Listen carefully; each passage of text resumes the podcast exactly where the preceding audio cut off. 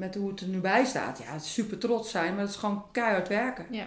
En En alles stapje voor stapje. alles stapje voor stapje. Ja. Ja. Ja, en maar inderdaad, eh, ja, ik, ik voel me wel rijk. Ja, Ja. maar ik heb geen ton op de bank. Nee. Maar Hoi allemaal, superleuk dat jullie luisteren naar een nieuwe podcast. Ik zit vandaag samen met mijn staleigenaresse en instructrice Astrid.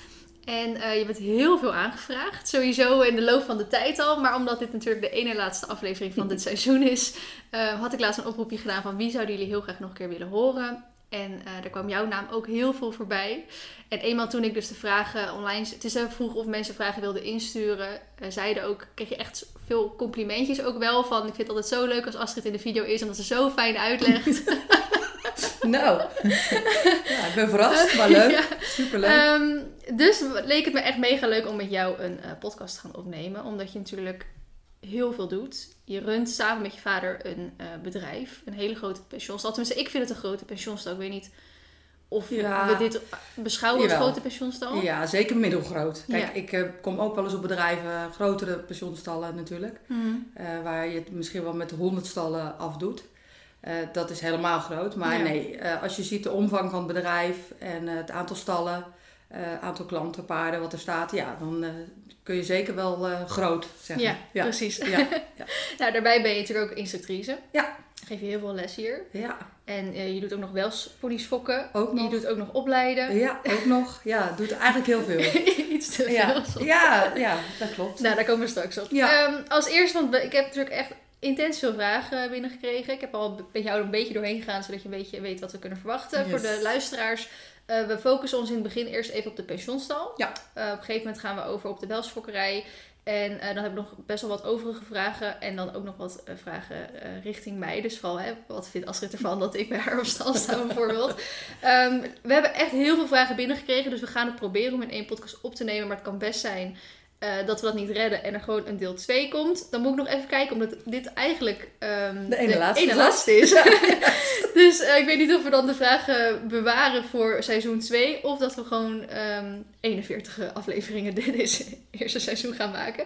Maar eh, nou, eerste vraag. Hoe is de pensioenstal ontstaan? Hoe lang geleden? Wie heeft het gedaan? Et cetera. Ja, dat is al best wel lang geleden natuurlijk ontstaan. Ehm, mijn vader eh, is hier geboren ehm, in een eh, groot gezin van elf kinderen. Met eh, eh, een agrarische bestemming dan, dit eh, bedrijf. Eh, toen waren er varkens en kippen.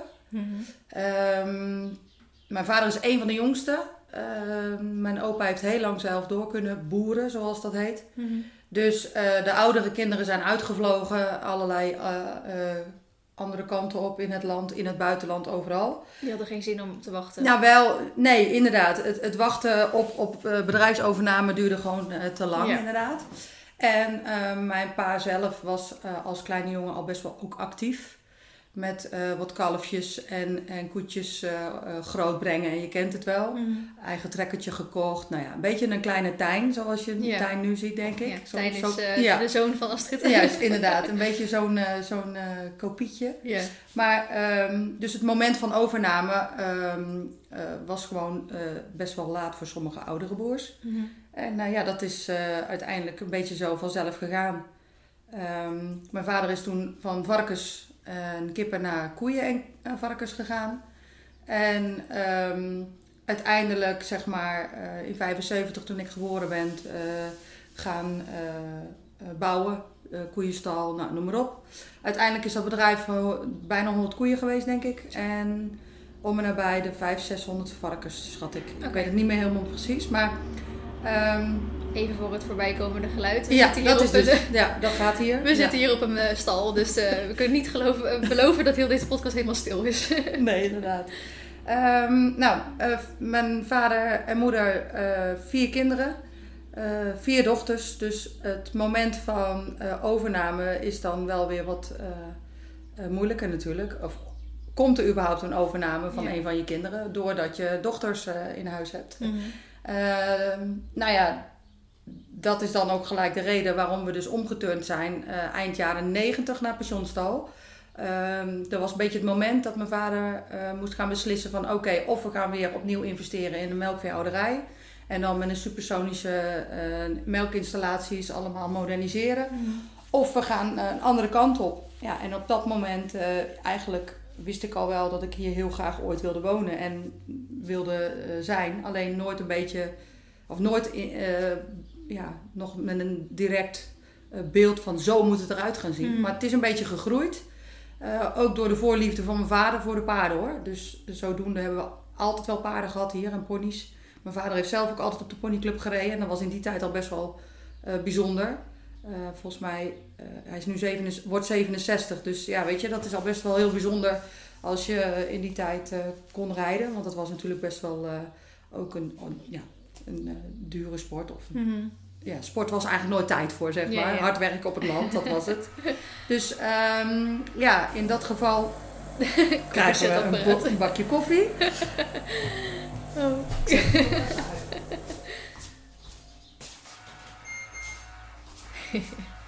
Hoort er allemaal Hoort er allemaal bij. Ja, zo werkt het hier. Ehm, dus mijn vader eh, heeft altijd voorliefde voor paarden gehad. Dus daardoor eh, ook wel ehm, een pony gekocht voor mij, een pony gekocht voor mijn zusje. Eh, veel op de ponyclub eh, rijden, wedstrijden doen, noem maar op. En ehm, uiteindelijk ehm, daardoor ook gewoon eh, mensen die weer bij ons kwamen van... Goh, oh boer Wim, dan misschien kunnen we wel onze ponytje neerzetten. Ja. Nou, en zo is dat een beetje gegroeid. Mhm. Dus eh, op een gegeven moment, eind jaren 90, hadden we een aantal eh ponytjes staan met eh, eh, onze eigen ponytjes. Ja, en dat is, dat is uiteindelijk dan zeg maar een beetje de start geweest. En daarmee zijn we dus eh, langzaamaan het koeiengedeelte af gaan bouwen. eh melkquotum eh, verhuurd, eh, verkocht. eh mestquotum eh, verhuurd en verkocht. Eh, nou ja, en zo ben je natuurlijk een beetje gaan omturnen. Dus ja, dan zijn de, de schuren zeg maar omgeturnd naar eh, paardenboksen. En eh, in 2003 een nieuwe schuur gebouwd. 2005 een binnenbak gebouwd. In 2010 de buitenstallen gebouwd waar Olly staat.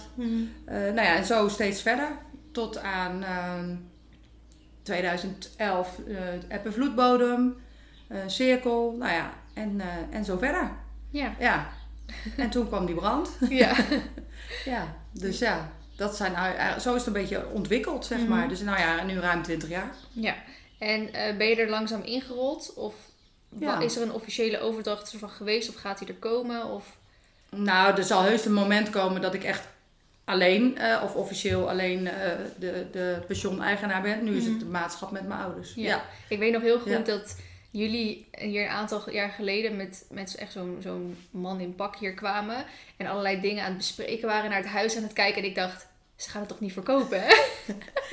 dat heb ik volgens mij toen ook nog Ja. aan jou gevraagd. Van, jullie gaan het niet verkopen, toch? En Nee. zei, nee, maar wij Nee. gaan in het bedrijf. Ja. Ja. eh, en dan moeten ja. dingen uitgezocht worden. Juist, inderdaad. Ja, nou, dat, dat, dat is natuurlijk best wel een hele, eh, hoe zeg je dat, een omwenteling geweest. Het. Echt het omturnen van een agrarisch veehouderijbedrijf naar een paardenbedrijf. Ja, weet je, je hebt eh, eh, investeringen nodig en je moet eh, investeren in boksen, nieuwe schuren opbouwen en dat soort gein. Als mijn vader op dat moment eind jaren 90 tegen de bank had gezegd van nou, ik wil weer een nieuwe melkinstallatie en een nieuwe schuur en bla bla bla, dan had het geld er zo gelegen. Maar toen hij op een gegeven moment zei, ja, maar we gaan omturnen naar een paardenbedrijf, keken, keken ze je allemaal echt met gekke ogen aan van nou, die boer is gek geworden. Wat gaat hij doen? Weet je wel zo. Mm. En ook natuurlijk in de omgeving was het best wel een shock van, nou, Wim van Groothuis die gaat paarden houden. Die maakt er een paardenbedrijf van. Is gek, weet je wel zo. en eh, nou ja, niet zozeer eh, dat hij gek was, maar weet je, ja, eh, we hebben een hinderwetsvergunning, we hebben grond en alles.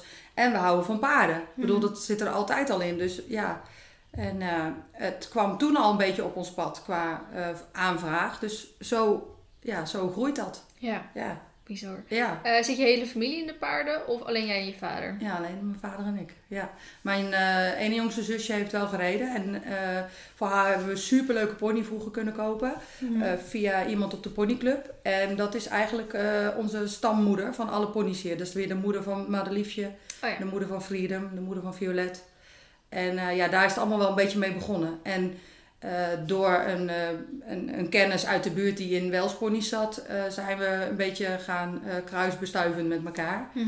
En eh, de man waarvan we de pony hebben gekocht, heeft ons ook wel een beetje die richting opgestuurd. Van joh, als je toch eens een keer nog gaat fokken met die merrie, dan moet je die en die en die kant op. Nou ja, dat beetje gaan uitzoeken en uitpluizen. En inderdaad, zo zijn ja, onze Welsjes hier gekomen. En Ja. dat is dus uiteindelijk nu, eh, ja, nu zie je gewoon eh, nog steeds, eh, ja, reïncarnatie is een groot woord, maar je snapt wel wat ik bedoel. Je ziet echt gewoon letterlijk eh, Sylvia 2.0 en Violet 2.0 lopen. Mhm. gewoon vanuit mijn jeugd zie ik hetzelfde beeld, weet je. Dat is wel Ja. superleuk. Ja, Ja. bijzonder inderdaad. Ja, zeker wel. Ja. Hoe ben je op het idee gekomen om ja, mede-pensioeneigenaar te worden? Ja, eigenlijk is het niet zozeer van, ja, hoe moet ik dat zeggen? Net als dat ik, eh, je wil hier gewoon blijven wonen. Mijn, mijn eh, opa is hier als klein kereltje komen wonen. Mijn vader is hier geboren. Eh, ik ben hier geboren en eh Tijn is hier geboren. Ja, je wil dat in feite zo doorzetten. Ja. En op welke manier het bedrijf ook zijn vorm gaat krijgen. Wellicht is er over eh, tien jaar eh, wel weer een complete grote koeienstal. Ik heb Tijn een keer horen zeggen dat Ja. hij het weer naar agrarisch Ja, ja, echt. Ja, weet je, ja, dat is heel, heel sneu voor hem. Dat het toen die tijd, ja, hebben we die beslissing genomen. En nu denk je van, oh ja, nou ja, misschien hadden we dan toch. Maar ja, dat kan natuurlijk niet, want hij Nee. was er nog niet. Nee. Maar ehm, ja, wellicht gaat dat ooit wel weer gebeuren. Ja, Ja. Het zij zo. En eh, het, is, het doel is niet van wat voor een bedrijfje heb je. Het doel is gewoon, oké, dit is de plek waar we geboren zijn. Hier blijven we wonen. En eh, we doen ervoor wat nodig is. Ja. En als het zou blijken dat we straks een bedrijf moeten inkrimpen of ombouwen of omturnen, gaan we dat gewoon weer doen. Maar dat vind ik best wel bijzonder, want eigenlijk zeg je gewoon, het maakt niet zo uit wat we hier doen, we willen hier gewoon blijven wonen. Dus het maakt niet uit wat koeien, varkens, paarden, wat dan ook Ja, als je, het maar, als je het maar vanuit je hart doet, toch? Ja, Als je het maar, weet je, wat je doet, mijn vader, je ziet hem lopen. Eh, ja, eh, we, we doen het met plezier. ja, En eh, zo heeft hij ook voor 100 koeien gezorgd met plezier. Weet je, de, ja, ik denk dat het boerenleven het is wat, wat Ja. ons hier houdt. ja.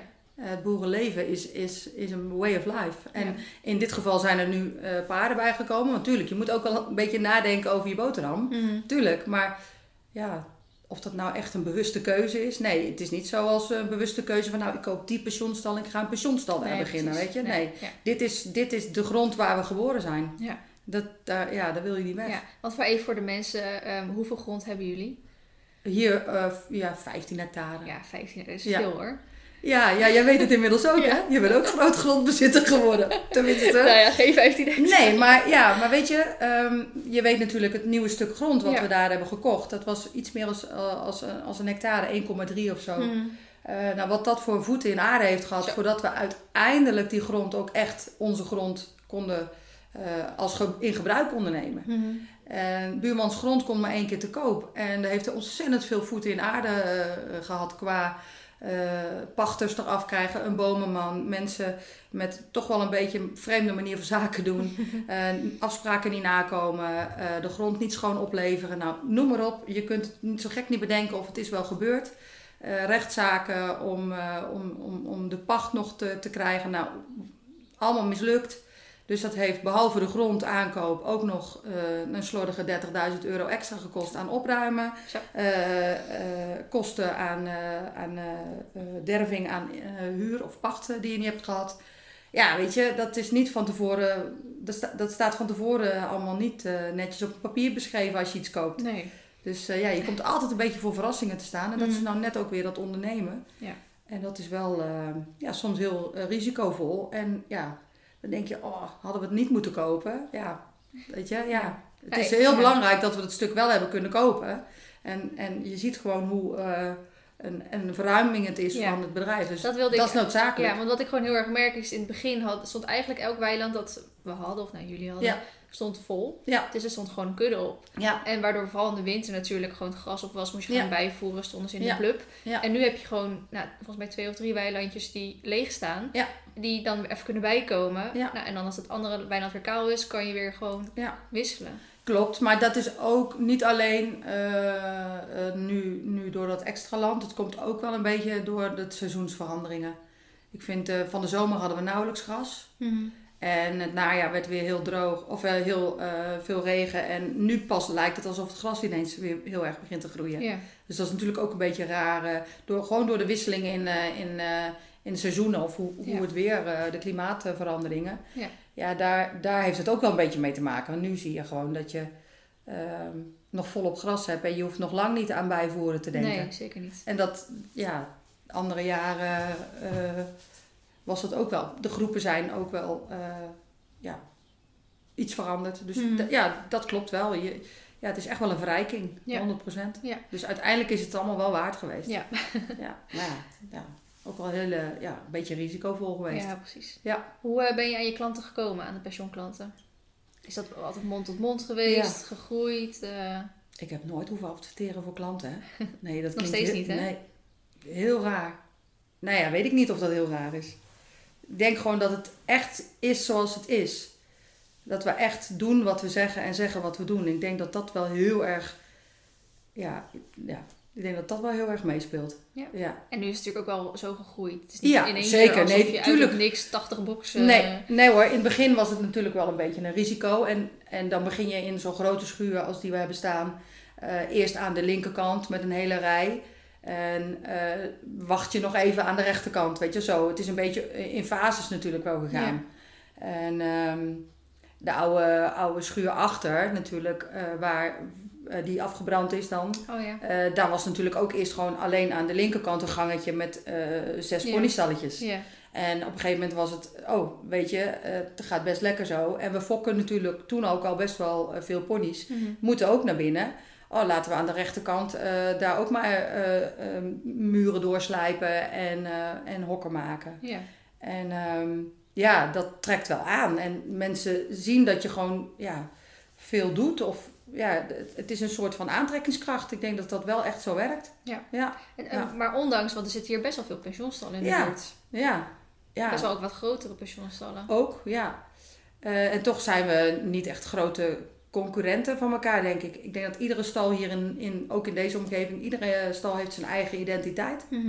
En eh, wat bij ons gewoon heel belangrijk is, is dat we, mijn vader vooral ook, vanuit het eh boeren nuchtere verstand bekijkt. Een paard moet naar buiten en in een kudde Ja. en zoveel mogelijk paard kunnen zijn. Ja. En eh, niet ehm, in de bandages eh, eh, in een paddockje van 2 bij 2. Mhm. Want stel je voor dat hij een wondje heeft. Ja, oké. Ja, dat gebeurt dus. Maar Mm. een paard uit een kudde halen of een paard alleen, is, dat is niet goed. Nee. Een paard moet in een groep naar buiten kunnen. En ehm, vrije beweging, minimaal vier uur. En nou, eigenlijk, ja, dat er überhaupt vier uur, veel meer Ja. moet het kunnen. Het is bijna raar dat, dat drie, vier uur Daarover, minimum ja, is. daar hebben we nog nooit over nagedacht. Over die nieuwe welzijnsregels. Dat het zoveel eh, uur per dag naar buiten moest. Dat je dat leest. Dat je denkt, ja maar hè?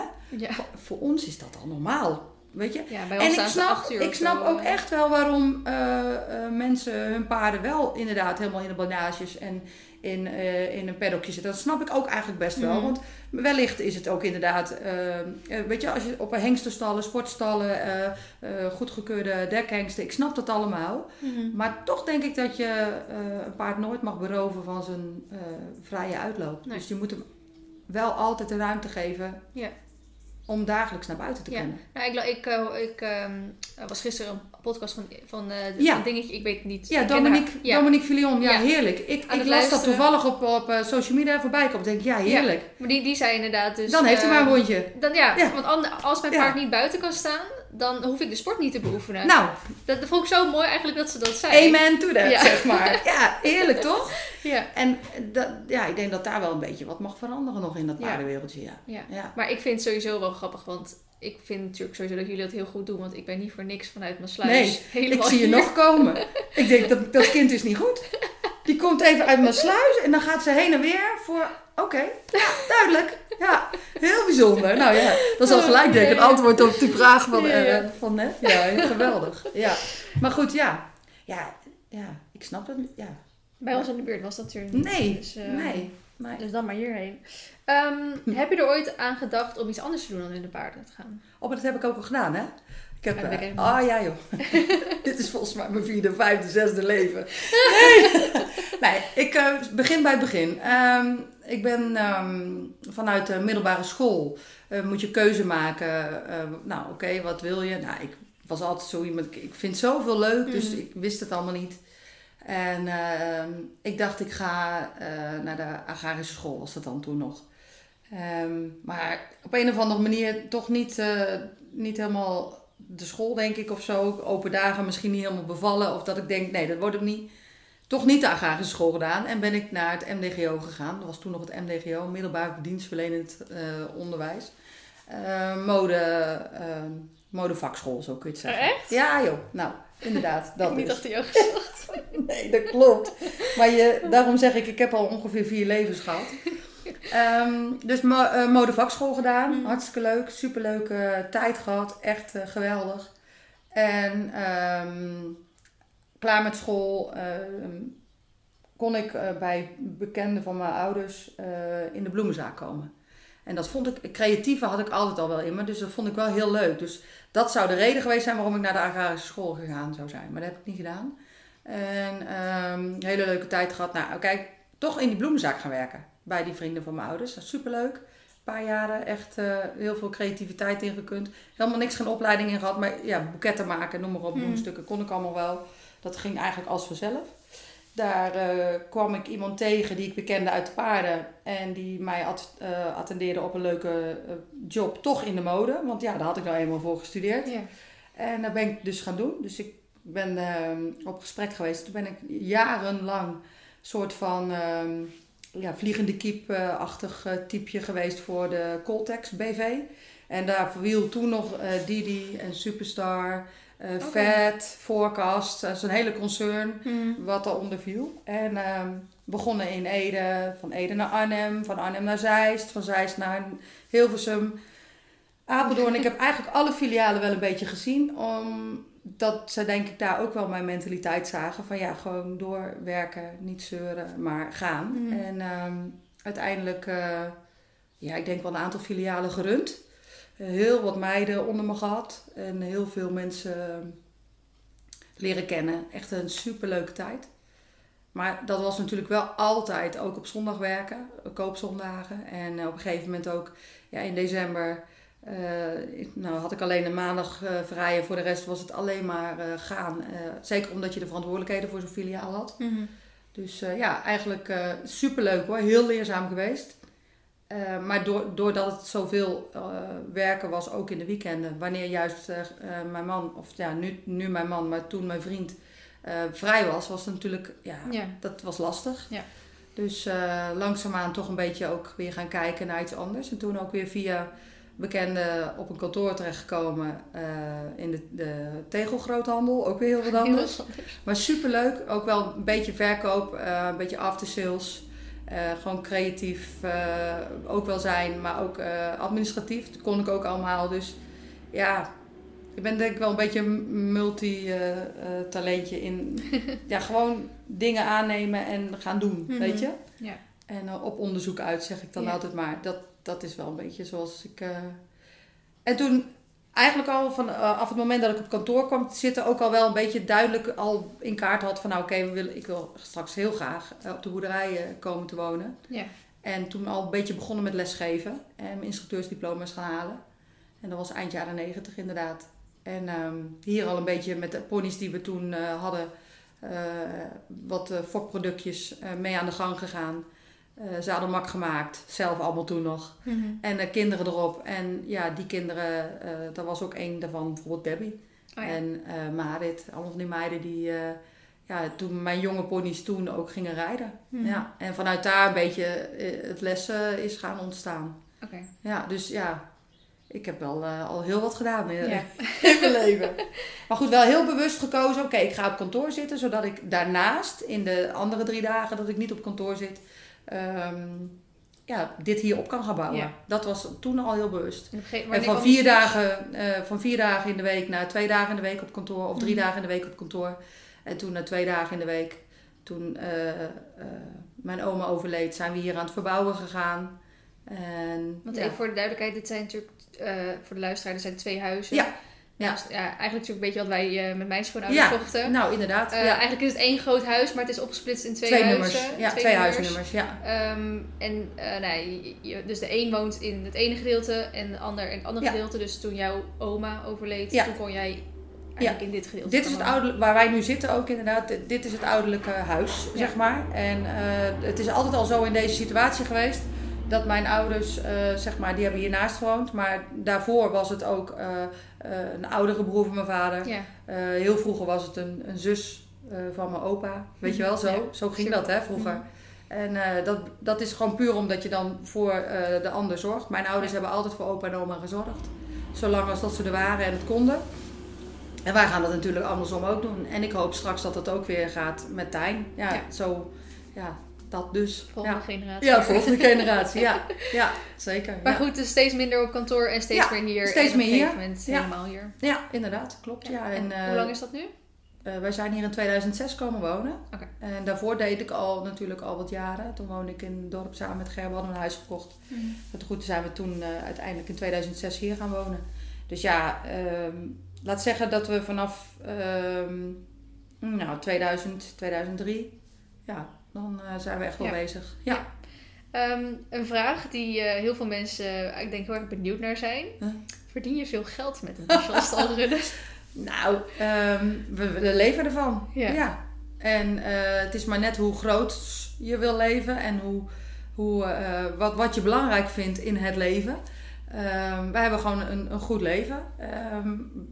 Mijn eh, ouders en, en ik eh, kunnen er een, een, een inkomen uithalen. Ehm Gerben heeft natuurlijk gewoon zijn eigen inkomen, dus dat is wel prettig. Op basis daarvan eh, kunnen we nog eens wat ja, andere dingen doen, als behalve alleen maar ja, werken en Ja. bezig zijn met dit. Maar ehm, Waarschijnlijk het, het geld wat je verdient weer terugstoppen in de, in de Ook. stal. ja, eigenlijk, eigenlijk alles, dat heb ik al vanaf begin af aan gedaan. Alles wat ik verdiende qua instructiegeld, eh, qua... ehm, eh, Ponies eh, verkopen. Ja, poniesverkoop. Eh, Gelijk wel weer erin stoppen. Ja, gelijk wel weer opnieuw doorgaan en doorwerken. Gewoon ja, totdat je eh, op een punt komt ja, dat, je, dat het wat makkelijker gaat. Ja, je- ja zeker wel. Ja. In Ja. het begin is dat echt wel, eh, ja, dat je denkt, nou, doe ik het hiervoor? ja, ja, waarschijnlijk wel. Ik denk dat je vooral moet beseffen dat ehm, het, het hebben wat voor Rijkdom zit niet in, Nee. in het salaris, hè? Precies dat. Eh, wat, wat de rijkdom voor mij hier is, is iedere dag eh, hier op deze plek zijn. En naar buiten kijken en denken, wauw. Ja. En s'avonds de zonsondergang hier achter zien. Ja, jij hebt hem tien keer al, eh, wat, honderd keer op je, Ja. op je tijdlijn ja. gezet. Maar dat is gewoon voor mij de werkelijkheid. Ja. En naarmate je ouder wordt en dingen meemaakt in je leven, ga je dat dus zo, zo waarderen. Dat je denkt, ja, weet je, eh, ik hoef geen tonnen op de bank. Want ik denk niet dat dat, dat realistisch is in, het, Mhm. in de paardenwereld. Mhm. Ja, tuurlijk, je kunt echt wel Ja. goed geld verdienen, maar ja, je moet er wel ook een beetje ehm, het plezier inhouden en g- eh, geluk van hebben. Ja. En natuurlijk, als je dit, dit allemaal Tuurlijk moet verkopen, dan... eh, Tuurlijk. Hey, eh, ik denk echt wel dat uiteindelijk met, met, eh, met hoe het er nu bij staat, ja, super trots zijn, maar het is gewoon keihard werken. Ja. En ja, alles stapje voor stapje. alles stapje voor stapje. Ja. Ja. Ja, en maar inderdaad, ja, ik, ik voel me wel rijk. Ja, Ja. maar ik heb geen ton op de bank. Nee, maar ik voel me echt wel rijk. Ja. Ja, 100 Mooi. Ja. Rij je zelf wedstrijden en welk niveau? Nee, al lang niet meer. Nee, ik denk voor de oplettende volgers van jou ehm, is er wel het een en het ander in mijn leven gebeurd waardoor ik het rijden wel een beetje heb eh, moeten laten schieten door eh, dubbele gecompliceerde beenbreuken, ongelukken, eh, bekkeninstabiliteit en versleten rugwervels. dus nee, helaas, eh, dat doe ik niet meer. Ik heb wel eh, altijd heel fanatiek gereden in mijn ponytijd. Eh, op hoog niveau gesprongen, gedressuurd en gecrossed. Dat was echt wel, eh, wel leuk. Ehm, heel veelzijdig eigenlijk. Met alles wat ik doe ook, met rijden ook, ben ik eigenlijk heel veelzijdig. En geen eh, eh, overdreven hoogvlieger, maar wel heel veelzijdig. En ehm, dat is denk ik ook waarom ik dat opleiden zo leuk ben gaan vinden. Omdat ik merkte dat dat vooral een heel belangrijke basis is. Ehm, als je het zelf op kan leiden, dan ehm, denk ik dat je misschien wel nog meer skills hebt als dat je op één paard heel hoog kan rijden. Eh, Ja. eh, hoog niveau. Niveau eh, in de sport zegt mij niet zoveel over de kwaliteit van rijden. Ja. Snap je wat ik bedoel? Ja. En mensen wordt, je wordt altijd snel afgerekend op het feit dat je geen Grand Prix hebt gereden als Mhm. instructeur, zeg maar. Ja. Dan denk ik, ja, maar oké, het zegt helemaal niks over de kwaliteit van iets overdragen of eh, eh, de, de kennis en de inzicht die je hebt. Ja. Ehm, ja, ik ben dan vooral iemand die alles heel erg op gevoel doet en eh, zelf heel veel heb onderzocht en ondervonden in de praktijk. Ja. En ehm, ja, met mijn paarden ook. Als ik merk dat, dat het te hoog gegrepen is voor mijn paard, dan ga ik er niet mee door. Ga ik niet ten koste van die ene punt in, weet je wel, ga ik door. Ja, nee. Ik, ehm, ik mis het rijden wel heel erg, maar ik heb er iets anders voor teruggevonden wat me gewoon heel veel eh, plezier Ja. eh, oplevert. Want Ja. in de toekomst wordt er ook niet meer gereden? Of... Ja, dat is nog een beetje ehm, ja, tricky in de zin van ehm, ik moet eh, een traject nog even in, denk ik, met een revalidatiearts om te gaan kijken tot hoe ver ik kan. Maar ik merk wel als ik nu eh, weer ga rijden, dan ik stap op mijn paard en ik wil het dan ook echt gewoon eh, kunnen doen zoals het ja, hoort of zoals Mhm. het op dat moment moet, weet je. Niet zeggen, ja, maar dat kan ik niet omdat ik, ja, ga, dan stap ik niet op. Nee. Snap je? Hm. Ik kan eh, iets niet half doen. Nee. Dat is niks. Met niks. Dat is al duidelijk. Ja. Ehm, wat was je grootste doel met een pensionstal? Wat is je grootste doel met een pensionstal? Ik denk dat, ja, moeilijke vraag. Een doel? Een doel? Nou ja, gewoon ehm, kwaliteit blijven leveren. Dat zoals het nu draait, zoals we het nu hebben, dat houden. En ehm, ik heb zeker niet het doel om nog uit te breiden of groter te worden. Eh, nee, eigenlijk, eh, mijn doel is alle dagen denk ik verbeteren. Ja. Iets, wat dan ook. Nou, dan was nog de vraag inderdaad van zijn er ook uitbreidingsplannen? Nee. Ja, wel, tuurlijk. Uitbreidingsplannen in de zin van eh, verbeteringen. En dan een verbetering op bijvoorbeeld opslag. eh, verbetering Mm. voor ehm, eh, bodems. Ja, altijd. Tuurlijk. Maar niet uitbreiden in hoeveelheid. Nee, Nee. zeker niet. Nee. Hoeveel paarden staan hier nu? Ja, ik heb vorige week de telling. Dat was volgens mij 83. Maar niet 83 pensioen, toch? Nee, nee, nee. Daar zit natuurlijk een groot deel van onszelf in, in de fokkerij. Dus ehm, Dus Ik, denk dat dat ongeveer 25 van onszelf zi- zijn. Dus, eh, nou ja, tel maar uit. Ja. Ja, dikke 60. 60. Ja, volgens mij, eh, als ik het eh, echt sec bekijk, is het eh, 56 pensioens. Ja. Pensioenstallen, Ja, pensioenboxen. Ehm, ik heb best wel veel gevraagd met hoe start je een pensioenstal? Hoe begin je er een? Geen idee. Ja, ik heb een plan.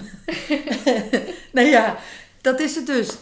Hoe, hoe, hoe word je boer? Ja, Ja. dat dus. Ik geen idee. Hoe, ja, zo is het ontstaan. Weet je, dat is het. het ik ben hier geboren, dus Ja. het is voor mij heel moeilijk om uit te leggen aan iemand die dus niet zo geboren is met Mhm. grond en een, en een bedrijf. Of in ieder geval eh, een eh, locatie waar het mogelijk is. Kijk, de mogelijkheden hebben. Dat Ja. is het. Kijk, eh, als iemand een schep met geld heeft, zeg ik ja. En je wil dat doen, Ja. eh, dan koop je een, een project en ga je gang. Ja. Ja, Ja, nu is het Dat. het grote verschil dat jij hier inderdaad, wat je zegt, al geboren bent. Ja. Eh, ik weet van een vriendinnetje van mij van de opleiding, die heeft toen met die, ehm, met dat koffertjesprogramma, hoe heet dat ook alweer? ja Eh, miljoenenjacht. miljoenenjacht Ja. meegedaan. Toen Ja. heeft de vader even een dikke miljoen gewonnen. ja, Ja, top. En die hadden ook een droom om een pensioenstal eh, te starten. En die hebben toen inderdaad een stal die te koop stond eh, van Manege gekocht. Dus ja, of inderdaad vanuit je familie of een hoop geld hebben. Of op een of andere manier een fantastisch bedrijfsplan kunnen schrijven om het te kunnen lenen. ja, want je moet natuurlijk ook dan inderdaad wel investeerders eh, mee krijgen ook. Hè? Ja. Kijk, heb je inderdaad een schep geld, dan is het dan een heel stukje makkelijker. En als het echt is wat je wil, ja, dan zeg ik, dan ga je ervoor en dan lukt het je. Ja. Snap je? Dus Ja. de, eh, maar ik denk vooral dat mensen die niet eh, de mogelijkheden, de ruimte en de, de faciliteiten hebben, dat ze zich heel goed moeten afvragen of dat echt is wat ze willen. Ja. Want eh, ik denk, dat is mijn overtuiging, als je dit wil, zonder dat je dit hebt, van nature zeg maar, Mhm. ehm, dan moet je wel echt veel passie voor het vak hebben hoor. Want dan moet je Dikke natuurlijk echt al, al, al die investeringen of die leningen gaan terugbetalen. En Ja. bij, van, bij jullie is dit al van jullie. Ja, nou, er zit heus ook nog wel eh, een stukje investering en lening Mm. in. Maar eh, inderdaad, de, de, de, de, de basis is er. Ja. Weet je? En ehm, ja, als je het eh, allemaal moet financieren, nou, succes daarmee. Ja, dat, dat is echt. En dan moet je keihard werken en dan moet je echt veel doen. Om, eh, eh, moet er ook veel binnenkomen hoor, om, om dat allemaal goed te kunnen Ja. eh, wegwerken. Ja. ja. Ja. Ik vind het, nou, ik vind het echt een, een, een uitdaging en respect als jonge mensen dat, dat nu in deze tijd gaan, gaan opzetten. Ja. Ja, ja. Wat voor opleiding heb je gedaan? Dus je hebt natuurlijk net al een beetje over Ja.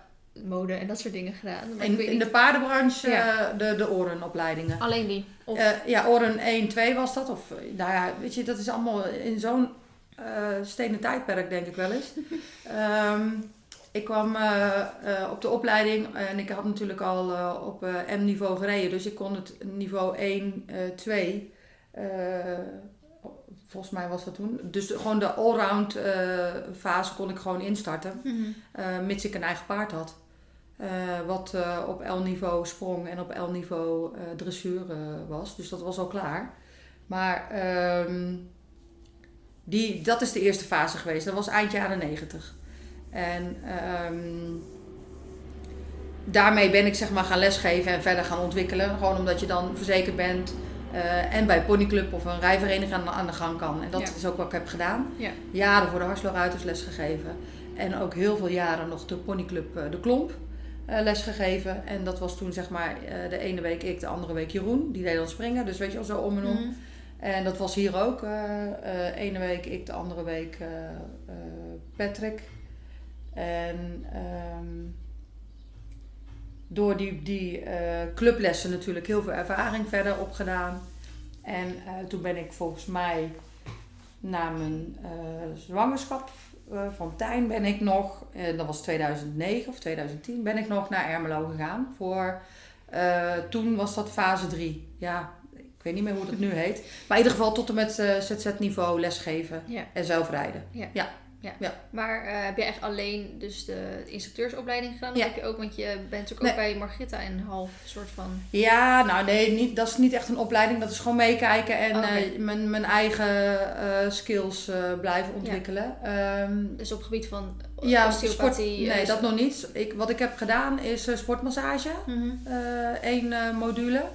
En ehm, ik ga het volgend jaar starten met craniosacraal therapie. Ja. Eh, omdat ik door de jaren heen ook wel inderdaad heb gemerkt dat vooral ook eh, ja, dat welzijn en het, het, eh, het lijf van het paard toch best heel ingewikkeld en gecompliceerd is. En ik mezelf daar op alle gebieden wil inlezen en onderwijzen, om het zo Ja. maar te zeggen. Dus ik pak mee wat ik mee kan pakken. en dat zijn bijscholingen op het KNS-centrum. maar ook bijscholingen bij ehm, ehm, andere, zeg maar, eh, in het land, Mhm. opleidingscentra. Mhm. Eh, dus ja, nee, dat zeker. Ja. En dan vanuit die opleiding craniosacraal probeer ik, wil ik eigenlijk ook een beetje verder het traject weer in inderdaad voor het zij osteopathie of toch nog een keer eh, eh, de sportmasseuropleiding helemaal afronden. Ehm, ik hink ook nog wel een beetje naar coaching met paarden. Oh om, om zeg maar door mijn levenservaringen die wij hebben meegemaakt hier eh, eh, toe te kunnen passen voor mensen die daar ook behoefte aan hebben. Dan merk ik wel dat je daar ook een soort van aantrekkingskracht eh, op hebt. Mhm. En natuurlijk heel veel mooie paarden om je heen hebt waar je wat mee zou kunnen. Dus Ja. dat hink ik ook nog wel een beetje naartoe. Dus, ehm, maar goed, eerst, eerst ja, stap voor stap ook daarin weer. En ondertussen gewoon lekker blijven doen Ja. wat we doen. Ja. Als je nog de tijd hebt om Ja, nou ja, dan moet je dus echt wel een beetje. Als dat is wat je wil, moet je daar dus echt ook gewoon tijd voor maken. En ook echt eh, even focus op dat ene ding heel erg. Ja. En ehm, ja, dingen dus ook gewoon iets minder doen. Ja. Sommige dingen dus ook een beetje meer loslaten. Ja. dat is heel lastig. Ehm, Ja. Wat voor verzekeringen heeft een stal? Vond best een goede vraag. Maar, ja. Ja, nou, eh, wij hadden een hele goede brandverzekering. Ja. Want dat is wel duidelijk. Ehm, volgens mij opstal, inboedel, eh, brandverzekering. Eh, ikzelf heb nog eh, een ehm, eh, aparte rechtsbijstand. Ehm, ja, ik denk dat je een behoorlijk uitgebreid pakket aan verzekeringen kan Wil nog noemen. iets als een Ja, aansprakelijkheidsverzekering? ja, dat, dat, ja. Ja. Een, zeg maar, ik heb een soort rechtsbijstand en een, een aansprakelijkheidsverzekering op persoonlijk eh, vlak. Omdat je natuurlijk, zeker in de jaren dat ik als instructeur op verenigingen les gaf, Mhm. ook, tuurlijk ook al via de vereniging verzekerd was, maar ook voor mezelf een stukje in wilde dekken. Stel Ja. dat er iets gebeurt waarvan iemand mij eh, de schuld gaat geven van ja, maar jij hebt dat instructie of de, die instructies gegeven en daardoor is dat en dat gebeurd en is mijn paard Ja. dat en dat gaan doen. Ja, Ja, dat kan natuurlijk, maar ja. je weet het niet. Om dat een beetje te, weg te, te tikken. Ja. hebben Nou, ik ben er ook mee bezig om daar naar te kijken. Ja. Omdat ik ook zoiets heb. Ik vertel ook dingen in mijn video's. Ja. Van, ik zeg wel heel vaak erbij, dit is hoe ik het doe. Weet je, dit geldt Ja. voor iedereen, bla bla bla. Ja, Ehm, maar ik vind toch een beetje spannend of zo. Dat als ik tips ergens over geef Ja. en iemand doet dat en het gaat fout. Dat ze Ja. zeggen, oh, maar dat heb ik van verdienende video's geleerd. Dat ik echt denk, ja, shit. ja. En Ja. ik ga natuurlijk straks mijn instructeurs die maar het is toch gek dat we in zo'n wereldje gaan leven? Ja, tuurlijk, absoluut. Maar dan, weet je, dan ga ik liever toch voor een paar euro's uh, mijn Ja, dat is aansprakelijkheidsverzekering. Nou, zo, eh, zo ben ik er ook in gegaan. Van ja, als me dat een paar euro per jaar of per maand kost, dan is me dat het waard. Ja, Eh, als we dus eh, op die basis eh, in het leven gaan staan, dan moeten we ons daar een beetje voor indekken. Ja. En ja, het, het is heel gevaarlijk. Hm. En dat is natuurlijk wel een beetje door de jaren heen zo ontstaan, die ontwikkeling. op social media en, en qua influencers en zo. Ja, Hm. ja dat was natuurlijk in mijn tijd nog helemaal niet zo. En ja, daar heb ik je in het begin denk ik ook nog wel eens heel vaak voor gewaarschuwd. Van, goh, meisje, let op met wat je allemaal vertelt. ik zie jou nog staan. Ik denk, ja, dat is natuurlijk wel heel lastig. Eh, je moet het zeker, denk ik, blijven hameren dat het is zoals jij het doet. Hm. En wat bij jou Ja. past. En bij Ja. jouw paard. En, Ja. Weet je, en, en waarom je het doet, eh, is, is eh, ook vaak genoeg uitgelegd. Ja. En het wil niet zeggen dat het dan voor een ander werkt. Nee, maar zo ga ik ook in het leven te werk. Met iedere lesklant heb ik andere, andere dingen. Dat is, ja, Mhm. Ja. Dat, ja, het zegt meer denk ik over de anderen als over jou. Maar Ja. het is, je moet vooral blijven doen waar je je goed bij voelt. Ja. En zeker eh, daarover nadenken. Ja, Ja, heel verstandig. over nadenken. Ja, zeker. Ehm, nou, er is al een paar keer ter sprake gekomen Mhm. over de brand. Ja. Ehm, dat is nu ondertussen vier jaar Ja. geleden. Volgende week, of nee, over twee in no- weken. in november ja, inderdaad ja, was het. 17 november. Ja. Ja. Ehm, kan je Ja. daar iets korts over vertellen voor degenen die on- ja, ons nog niet zo lang volgen, die niet zo goed weten eh, wat is er met een brand gebeurd en vooral hoe jij het ervaren hebt? Eh, ja. Kort. Nou, kort dus. Het was 16 november en wij hadden een vergadering gehad met onze rijvereniging die we hier eh, zeg maar zelf opgericht hebben. Daar hebben we altijd een vergadering. Eén keer in de zoveel tijd. Dan zitten we ook eigenlijk altijd hier aan de keukentafel gewoon. En dat duurt meestal tot nu of elf. Weet je wel zo. En ehm, daarna, de laatste ronde is dan wat later als normaal. Maar goed, mijn vader was nog een laatste ronde geweest. En ehm, lampjes overal uit. Eh, boel opruimen, nog eventjes zitten. En eh, ja, je gaat wat later naar bed als normaal. En ik lag op bed en ik denk, goh, wat ruik ik? Hm, weet je wel, zo. Ik denk, ik ruik iets raars. En ehm, in mijn beleving dacht ik, oh, dat zou wel zo'n oplader kunnen zijn. Dat zijn Oh, van die ja. verhalen die je dan wel eens hoort. Mm. Dus ik denk, ja, dus ik bij mijn telefoon kijken. Nou, nee, toch niks. Hup, ding eruit. Nee, nee, dat is toch niet. Maar goed, oké, lamp weer uit, toch weer gaan slapen. Tenminste, proberen te slapen. En, ehm, en tien minuutjes later zeg ik weer van, nou, ik ruik het nog steeds. Dus ik zeg tegen mijn man van, joh, ruik jij het ook? En de tweede keer zei hij, ja, nu ruik ik het ook. Toen, toen schrok ik echt, want zo'n goed reukvermogen heeft mijn man niet, sorry, maar dat dus. En dus ik schrok toen echt. En toen dus het bed uit, eh, door de ramen heen kijken, of het gordijn omhoog, door de ramen heen kijken en iets zien dwarrelen in de lucht. Dat je denkt, huh, wat is dat? Naar de andere kant van het huis lopen en daar door het raam kijken en dan gewoon dikke, witte, grote rookpluimen zien. En je kijkt echt om het hoekje zo de schuur in en daar staat gewoon een grote vuurbal in die schuur dat je denkt, wauw. Nou ja, en dan gaat het in sneltreinvaart. En dan eh, een soort van oerinstinct komt boven. En nou ja, wat er dan, ja, 112 bellen. Ehm Atina wakker maken, mijn man eruit, die naar mijn vader toe, mijn vader op zijn ondergoed naar buiten, een jas en huppakee. En dan, nou ja, dan is het gewoon horror. Ja. En dat gaat eh, aan één stuk door. En ehm, ja, die tractor, er stond dus een tractor in de fik. Eh, die had dus kortsluiting gehad. Ehm, Atina is als een, eh, als een idioot naar achteren gelopen en heeft alle ponystallen open gedaan. Alles gewoon naar buiten laten lopen. En gelukkig, je weet hoe het er hier aan toe gaat, maar Ja. gelukkig is dat vrij eh, natuurlijke Ja. manier van, nou oké, er is één kant op en dat is de wei. Dus Ja. dat is wel heel prettig. Mhm. Het is niet zo dat ze gelijk op straat staan of op het erf lopen. Dus nou ja, dat is allemaal naar achteren gelopen en allemaal bij elkaar gekomen. Ehm, ja, dat duurde wel even allemaal. Eh, binnen acht of tien, negen minuten was de brandweer er. Mega snel. Eh super snel, maar die zitten hier natuurlijk aan de andere kant van het viaduct. Dus het Mhm. ging allemaal super snel. Maar ja, dan hè, dus dan staat het hier allemaal wel met eh, toeters en bellen en sirenes. Maar voordat dat ook echt daadwerkelijk allemaal werkt. Weet je wel, die, die, die slangen uitrollen, de put openen, nou, allemaal gekke dingen. Dus ja, dat is niet te filmen. Dat is gewoon, dat is gewoon niet normaal. Ja, en als je ook de filmpjes een beetje terugkijkt op eh, YouTube en 112 en zo, ja, dat was echt wel zo heftig. ja. Dus eh, ja, dat is echt een, een rollercoaster. Ja. Echt. Maar Ja. ook heeft natuurlijk een hele lange nasleep gehad. Het Heel was niet erg. alleen de, de dag van de brand. eh, Nee, de, de brand zelf, ik vond het, ehm, eh, het, eh, het dwarrelen van al die kleine vuurdeeltjes over de rieten kap heen. mhm. Ehm, ik me, met mezelf, met mijn tas, met, me- met, met, met mijn spullen buiten staan. Van, er wordt gezegd, ja, u moet uw huis verlaten. Dat je denkt, oh, help. Ja, want de schuur staat tegenover het woonhuis. Ja, het de woonhuis achterkant. Een rieten kap. Juist, de Dus de- achterkant was nog open. Hè? De, dat was Ja. nog in de oude situatie. Nu hebben we natuurlijk het hele achterhuis verbouwd en is het mooi eh, dicht met deuren en noem maar op. Maar dat was Mhm. natuurlijk nog open. Er stonden negen of tien ponies. Hè? En die hebben natuurlijk allemaal eh, die rook binnen gehad. Er stond een, een, een, ehm, een brandweerauto zo goed als in je huis, leek het wel. Ja. Eh, en natuurlijk de, de openstal, of de, de buitenstallen, allemaal de luiken dicht.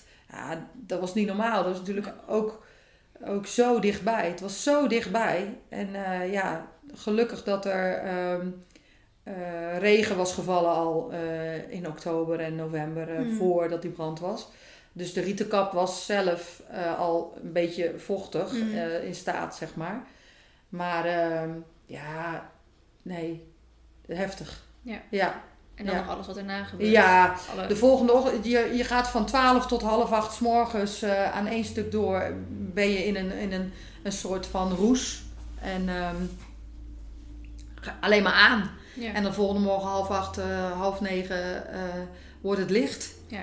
En, dan komen de eerste en dan- van de pensioenklanten. Ja, en dan zie je dus de, de, de, de ravage en, en dat zwarte water en, en overal die linten. En dan denk je, ja, dit is gewoon Nachtmerrie. nachtmerrie. Ja. En het is gewoon shit. Het is echt waar, weet je wel dat. Mhm. En inderdaad, eh, s s'nachts eigenlijk al gelijk al eh, mensen om ons heen die eh, al wisten van of hoorden van dat er brand was, die al bij ons kwamen. Waaronder natuurlijk eh, van Verbrukswoord Bert. Mhm. Gelijk al met Oh ja, containerboxen en zo. Weet je wel, goede connecties. Transportbedrijf, dus huppatee, die dingen erheen. En nou ja, dat soort gein. Ja, dat ging allemaal de volgende ochtend allemaal in no, no time. Ja. Eh, het opvangen van ponies hier in de buurt. eh, ja, dat ging eigenlijk wel allemaal eh, redelijk. En op een of andere manier hebben we toch wel heel snel alles weer zo normaal mogelijk Ja. door kunnen laten gaan voor het pensioen gebeuren. Mhm. Ja, en dan begint de rest. Ja, ja. Maar gelukkig, ja, ja, gelukkig een goede brandverzekering. En daardoor, daardoor ook wel weer gelijk vrij snel aan de gang kunnen gaan. Binnen een jaar stond de nieuwe schuur, Ja. toch? Een jaar later eh, hebben we hem eh, eh, of, officieel geopend. En Mhm. inderdaad, ja, wel redelijk, redelijk snel. Je, ja, je hoort om je heen nog wel eens vaker van dit soort berichten. Maar dan, ja, 9 van de 10 keer komt het of niet meer van de grond of anders. Of, of Mhm. moeil- moeilijker, kleiner. Ja, ik denk dat wij in ons geval, ook voor het bedrijfsbelang, juist op dat moment... is er denk ik ook een soort van nieuw begin gekomen voor Mhm. nog meer ergens professionalisering of zo Mhm. zie ik het. We, we gingen van, eh, volgens mij waren het tien ponystallen. Eh, ook kleintjes, hè, waar, Mhm. waar eh, een kleine, pony- kleine chatjes stonden. Van, met een tussenschotje zelfs nog. En ja, die, dat was nog wel grappig. Of grappig, nee, dat is niet helemaal niet grappig. Atina zei al van, ja, weet je, de lampen waren aan, dus ik kon het allemaal nog zien. Totdat bij die laatste. En toen moest ik echt zoeken naar die chat. Toen, viel, toen vielen die, eh, de lampen Oh, uit. ja. Nou ja, dat gaf al aan toen we dat vertelden ook aan eh, brandweer en politie. Van eh, jongens, het was kortsluiting. Het zat niet in het stroomnet, het zat in die tractor, Mm. weet je wel. Maar goed, ehm, de, die laatste chatten, die, of, ja, die, je moest echt zoeken. En, en die stonden ook al helemaal in de, in de hoek weggedoken, weet je. Echt in zo'n vluchtstand. Oh, zo, ja. Hoe, dat dan zo werkt, hè? Ja. En heb je daar nog een soort van ja, trauma aan overgehouden? Van dat Mhm. je nog steeds bang bent dat er zoiets nog een keer gebeurt? Of, ehm, Nou, die angst is wel een beetje weg. Dat het nog een keer gebeurt. Als je zo blijft, le- ja, als je zo blijft leven, is het natuurlijk geen leven. Mhm. Dat, dat vervaagt wel, maar dat heb ik al heel lang gehad. Ik denk dat het tot zeker aan februari eh, eh, eh, met, eh, met Tijn tussen ons in te hebben geslapen. Mhm. Dat het voor Tijn ook heel traumatisch is geweest. Nu, als je er nu over hoort, ja. helemaal niet Nee. weet je. Maar ehm, toen als, als klein kind wel. En ehm ik zelf eh, met geur, ja, zo af en toe. Ja, vorige week was er natuurlijk brand hier in de Ja. buurt. Die geluiden van die sirenes, dan, dan sta ik eigenlijk echt even helemaal zo strak aan de grond. Met groot kippenvel en echt even zo'n zo'n Ja, vloedgolf aan emoties eh, over je heen komen. Ja, dat is wel heftig. En dat, dat zal altijd blijven. Ja. Ja. Ja. ja. Nou, laten we maar Ja.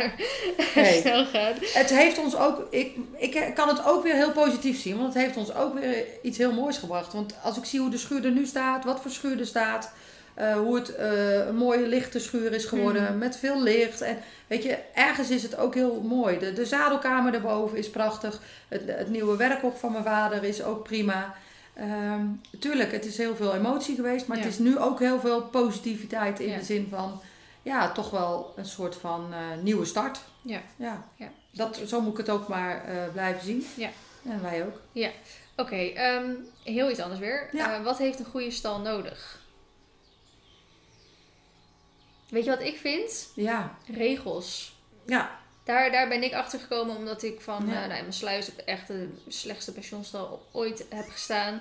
Eh, nou, toen naar een boerderijtje ben Niet hopen gegaan. dat ze dit horen dan. Sorry Ja, maar mogen ze van mij weten. Alles gaat er toch zwart, dus van mij mogen ze opgepakt worden. Oh, help.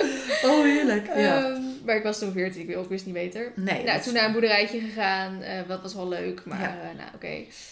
Nou, toen, hier, nou, toen ben ik nog naar Renen gegaan, dat was verschrikkelijk natuurlijk ook. En toen hier. En wat Mm. ik gewoon heel fijn vond, is dat hier... Aan de ene kant klinkt het heel raar, regels, want hè, wanneer, waarom zijn regels nou fijn? Maar wat ik merkte op die hele ja, die shit waar ik in het begin heb gestaan, is dat wij hadden bijvoorbeeld eh, één bak. Ja. Echt zo'n nou, 20 bij 30 ding, was nog Ja. niet eens heel klein. Dat- Daar moest je alles in doen. Was de, was de bak om te rijden, te longeren, los te gooien, alles. Je had niks voor de rest. Nee. In de zomer stonden ze 24 buiten de paarden, super lekker. Maar in de zomer, eh, winter stonden ze echt 24 binnen. Hè? Gewoon echt binnen, binnen, niks. Ja. Ze kwamen alleen uit als jij kwam. Dus die, die bak werd natuurlijk voornamelijk gebruikt om je paard in los te gooien dan. En dan was de regel, als je wil rijden, heb je gewoon voorrang. Want Ja. daar is de bak Ja, voor. natuurlijk. Ja. En vaak zat het gehad dat ik opgezadeld was, richting de bak liep en dan nog even snel iemand ervoor ging. Oh, ik moet even snel mijn stal uitmesten hoor. Ik ben zo klaar. En dan kwam de volgende, dan kwam de volgende, dan kwam de volgende. Dat je gewoon een uur moest wachten in één keer voordat je ging rijden. En dan kan je wel heel leuk bij de pension-eigenaar aankloppen. Ja, ik wil Ja, rijden, maar, maar- kan niet. Ja, die, Ja, die ook, gaat het ook niet uit. direct eh, allemaal oplossen. Dus sindsdien heb ik gewoon heel erg van. Ik vind het zo fijn dat er op zo'n grote pensionstal gewoon regels zijn van gewoon de bakjes om in te rijden, de longeercirkels in te longeren, ja. paddocks of de wei eventueel eh, Ja. los in te zetten. Ja. Ehm, ja, weet je, zonder regels kom je natuurlijk eh, op zo'n eh, bedrijf, eh dan wordt het natuurlijk chaos. ja. Maar ik denk dat het inderdaad gewoon op ieder bedrijf wel simpel basisregels moeten Ja. zijn. Misschien zijn het niet eens regels, misschien meer. Nee, maar gewoon een soort van ja, normen. ja. De regels zijn wel heel erg uitgebreid, want we begonnen niet eind jaren negentig met echt regels of zo. Mhm. Maar eh, dat is natuurlijk wel gekomen toen ik op een gegeven moment ook met lessen en met kinderen. Die, die lessen waren een beetje een soort van manegelesjes. Hè? Mhm. Op woensdagmiddag had ik eh, twee tot drie uurtjes. En op vrijdagmiddag eh, had ik twee tot drie uurtjes. En op zaterdagochtend twee uur.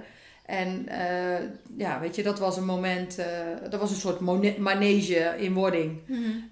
Uiteindelijk heb ik daar helemaal niet voor gekozen en daar ben ik heel erg blij om. Maar Mhm. dat heeft weer een hele andere reden. Maar met dat punt al, het hebben van heel veel eh, kinderen met ouders die komen om te rijden op de ponies. Dat, dat, toen moest ik al heel veel regels maken. Ja. En toen had ik misschien maar vijf pensioenklanten. Snap je? Ja. En langzaamaan eh, merk je dat het stukje pensioen groeit. En eh, het stukje manege, tussen haakjes manege, ehm, was ook aan het groeien. En dan ging dat een beetje bijten met elkaar. Dus dan krijg je te veel uren in de bak en te weinig kanten, eh, eh, mogelijkheden om te rijden. Mhm. En dan, dan kom je op zo'n punt dat ik denk, ja, je moet niet eh, een pensionstal en een manege op één plek willen runnen. als je de faciliteiten niet Ja. voor elkaar hebt. Ja, dan moet je weer extra bak hebben. Of... Daarom, dus hebben we ook inderdaad, dat was al het plan, je hebt gewoon een binnenbak nodig. Mhm. In, in mijn beleving. Mhm. Een goede binnenbak nodig waar je altijd uitvalsbasis hebt. En heb je dat niet, dan moet je wel echt een super goede buitenbak hebben. Ja. En die hebben wij als laatste dan gelegd. Maar goed, we hadden al een binnenbak en we hadden een goede buitenbak. We hadden goede cirkels. En ehm, ja, een eb- en vloedbodem is gewoon de beste investering die je kan maken. Ja. Ja, Ja. en ehm, dat kost echt ontzettend veel geld. En het is, het is echt eh, eh, eh, dat je denkt, wow, ga je dat ooit terugverdienen? Mhm. Ja, denk het wel. Mhm. Want uiteindelijk zorgt zo'n bak ervoor dat je altijd kan rijden. Ja. En hoe vaak is het niet dat je dus op een pensionstal niet kan rijden of omdat de bodem niet goed is. Mhm. Of inderdaad omdat er maar één plekje is en het te druk is. Ja. Nou ja, dat was dus ook in dit geval ja, te vaak uurtjes waardoor de bak bezet was. Ja. Ja, dat kon gewoon niet. Nee. Dus, eh, Ik heb het er wel eens met Wim over gehad. Echt lang geleden hoor. mhm. Dat, want we hebben natuurlijk hier ook die springwei. Die er soms wel staat, soms niet Mhm. staat. Ehm, en toen zei ik van, maar, of hij zei, ik weet niet meer wat, wie, wie erover begon. Van om de, van de springwei echt een springtuin te Ja. maken. Dus echt Ja. ehm, ook een eb en vloed. Ja. Toen zei hij van, ja maar hoe groot is die springwei? Nou, die is eh, 40 bij, eh, bij 70, weet ik het wat. En zei hij van, als je dat een, bak wil leggen, ben je zo een ton kwijt. Ja. En ehm, dan wordt het een heel ander soort stal, zei hij. Ja. Dan moet je eigenlijk ook een, meer wedstrijden gaan organiseren Ja. om dat terug te verdienen. Dan moet je een kantine gaan bouwen. Ja. Eh, dan krijg je ook hele andere pensioenklanten. We hebben nu best wel de recreatie en ehm, nou, tot en met M-niveau of zo. eh, Ja, de, de, de gemotiveerde wedstrijdruiter, die, maar die vooral eh, plezier en welzijn eh, staat boven het, het, het Ja. stukje prestatie. En waarschijnlijk als je dat er allemaal bij gaat ma- gaan maken, krijg je veel meer Ja. de, de sportmensen en zo. En dat Ja, en is dat, is dat wat je wil? Of wat bij de identiteit van, je, van je juist. stal past. Ja, nou, zo, dat is ook, daar moet je ook over nadenken. Van ja, wat, wat wil je en wat wil je uitstralen? En wat voor mensen wil je aantrekken? Eh, Dat is het allerbelangrijkste. En ja, waar moet een, een stal aan voldoen? Eh, ik denk aan, vooral ook aan een eigen identiteit en een eh, ehm, eh, stukje regels inderdaad. Zo van, nou, zo doen wij het hier. Mhm. Dit is zoals wij het doen. Pas je hier top? Ja, pas je hier niet, dan merk je dat al snel genoeg. Dat, dan, dan, dan, ja, net als met ehm, eh, de vraag van, ja, heb je wel eens moeite met klanten? Ja, tuurlijk, we, we hebben allemaal eh, wel mensen waar je wat minder mee klikt of Mhm. minder mee hebt. Maar eh, over het algemeen vind ik vooral hier die, die, die, eh, die groepssamenstelling wel prettig, ja. Ja. Eh, we hebben een fijne groep mensen, heb ik het idee. Ja. En ehm, dat is wat we ook proberen eh, Ja. uit te dragen en ook proberen te waarborgen. En eh, ja, het hebben van de juiste accommodatie is, is daar wel ook wel eh, heel belangrijk. Ja. Maar het is inderdaad een 40-70 springbodem. Dan moet er een heel andere bedrijfsvoering eh, plaats gaan vinden. Want dan moeten we wel ieder weekend ook wedstrijden gaan organiseren Ja. om dat er weer uit te halen. Ja. Ja, dat, dat, dat is helemaal niet wat we willen. Nee. Nee. En ja, je zal, je zal een bodem neergelegd hebben en nu tot en met eind december geen wedstrijden mogen houden. Ja, dat bedoel ik. Ja. Er zijn er genoeg. Hmm. Ja, bizar. En dat is, een, eh, dat is echt een verdienmodel wat er tegenover moet staan. Dat moet wel ook. Dus ja, ik, eh, nee, ik, dat is ook, heel veel mensen vragen ons altijd, waarom doe je de wedstrijden niet indoor en eh, mooi in jullie buitenbak? Ja, helemaal niet. Nee, echt niet. Ik heb al genoeg klanten over de vloer per dag eh, voor, voor de accommodatie. Dat is prima zo. Mhm. Want oké, we zijn groot, maar we hebben niet het idee dat het heel erg overbevolkt is. Nee. In de bak niet, in Nee. de cirkels niet. Soms moet je wel eens wachten. Hmm. Maar het is niet dat je zegt van, goh, wat is het Nee. toch heel erg druk. Heel veel mensen zeggen altijd van, oh, hè, eh, 80 paarden hier. Nou, dat is dan ongeveer 55 eh pensioenklanten. Ik denk, ja, maar als ik hier op stal ben, dan... Nou, ik ben niet alleen, Nee. maar je bent Je hebt ook nooit niet het idee meer- van, goh, wat is het heel erg nee, vol. je bent nooit met meer Nee. dan twee mensen, drie mensen in de bak. Tenzij je misschien echt op spitsuur komt. Ja, maar klopt. inderdaad, je hoeft eigenlijk vrijwel... Nou, soms af en toe een keer op de longeercirkel Ja. te wachten of wat dan ook. Ja, en dat willen we graag zo houden. Dus Ja. dat betekent ook een soort van eh, ja, goede balans in, in het stukje, ehm, eh, eh, hoe zeg je dat? Een stukje pensioen, een stukje lessen. st- Weet je, balans in alles een beetje vinden. Het aantal eh, eh, paarden, ponies. Ja, dat is wel een beetje een, een zoektocht. Ja. ja. Maar ja, Ja. En ik vond het wel grappig wat je net zei met die, met die soort van groepvorming hier. Ehm, ik heb wel wat pensionstallen gezien in mijn Ja. leven, niet mega veel. Ehm, het was altijd gezeik. ja, Paardenmensen is natuurlijk sowieso altijd gezeik. ja, Ehm, maar het was altijd gewoon eh, Ja. dat, je, dat je echt wel mensen had waar je gewoon echt niet mee kon. En dat je ook als die tegelijkertijd met je op stal waren, dat je echt dacht, nou, vandaag heeft mijn partner een dagje vrij, dan ben ik sneller weg. ja. Maar dat heb ik hier helemaal niet. En Nee, maar Nu- dat is denk ik ook, eh, eh, dan is de stal aan zich, of de, de pensioneigenaar aan zich, denk ik net niet duidelijk genoeg in zijn eigen waarden, normen en de- identiteit. Kijk, eh, als je hier je paard neerzet, dan ze- zeggen wij, wij zorgen voor jouw paard. Dan moeten we dat toch ook doen. Mhm. Dus dat wil niet zeggen dat wij dan een week lang, eh, of wat, eh, als ik weg ben, dan, dat er niemand anders is. Snap Mhm. je? Ik vind gewoon, er moet hier eigenlijk standaard altijd iemand zijn. Weet je, zeker na die brand is dat nog erger geworden. Dat Mhm. is sowieso iets wat we, ja, weet je, met elkaar op vakantie is nog wel, ja, dat, is- dat, is, ja, dat zou ik graag willen, maar Ja. dat is natuurlijk wel een ding. Mhm.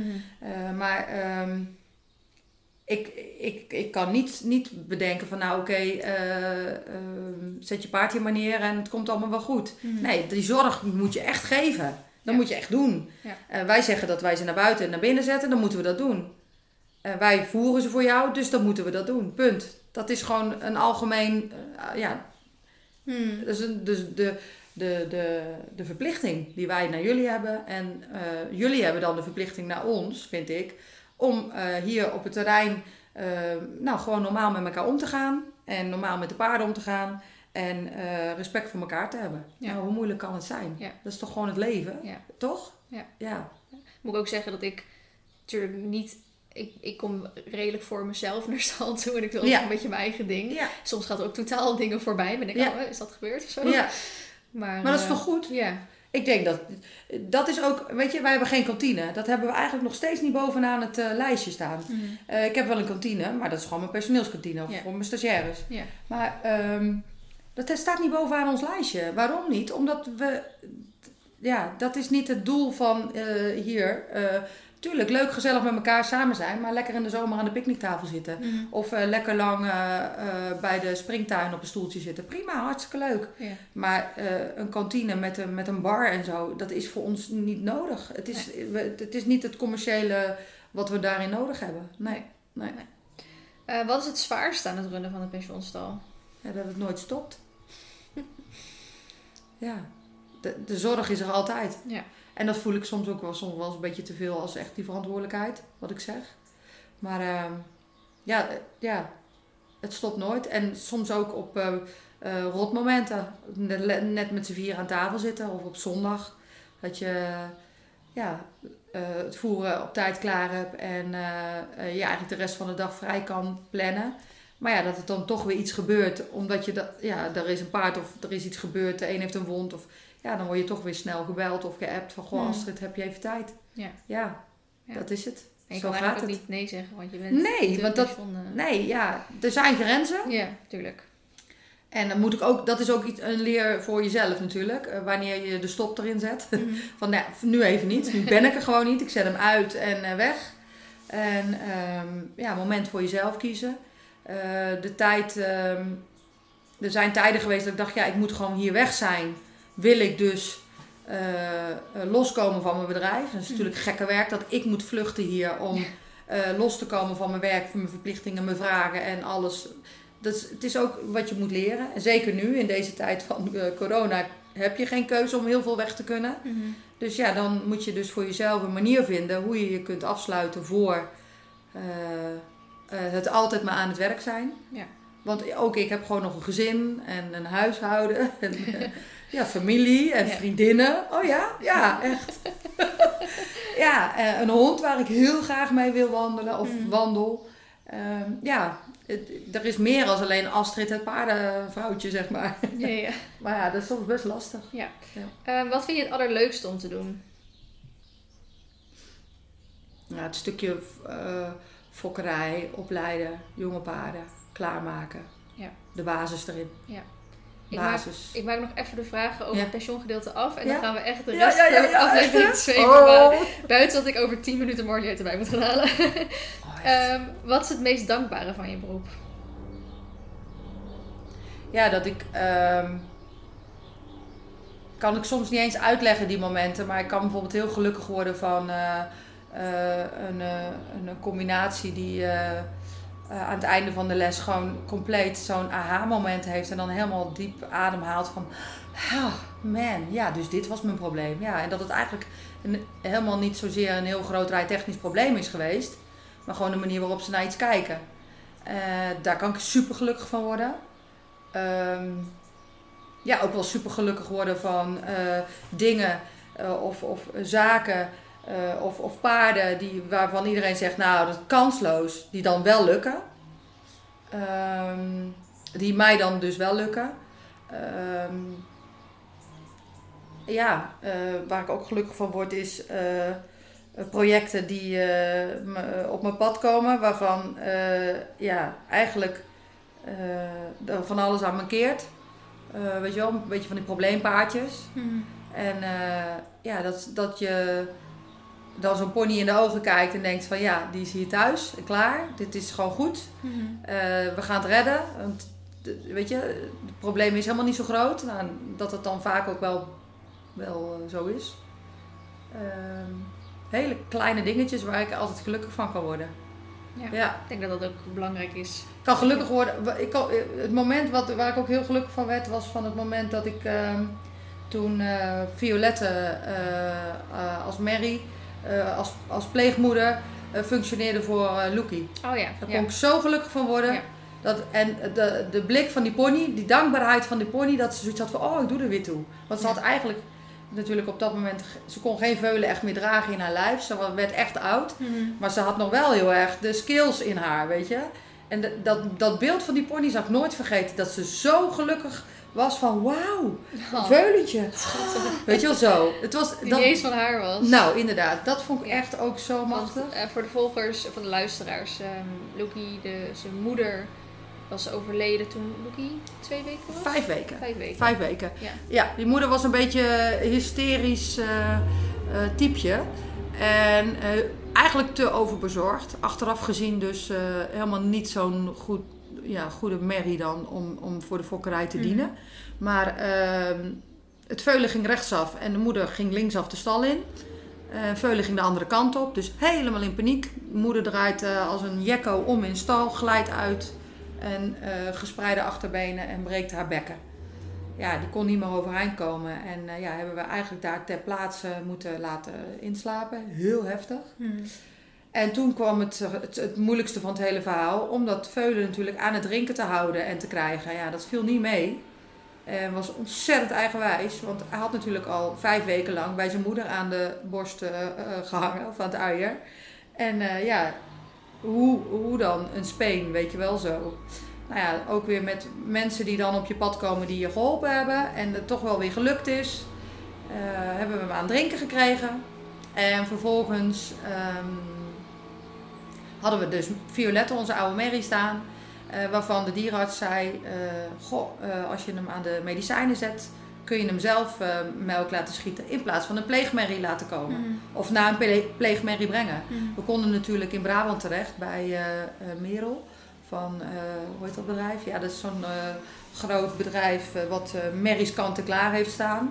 Op het moment dat jij zeg maar met een moederloos veulen. moedeloos veulen Ja. zit, kun je daar naartoe. Ja. Volgens mij Merel van de Merel Dijkstra, nou iets.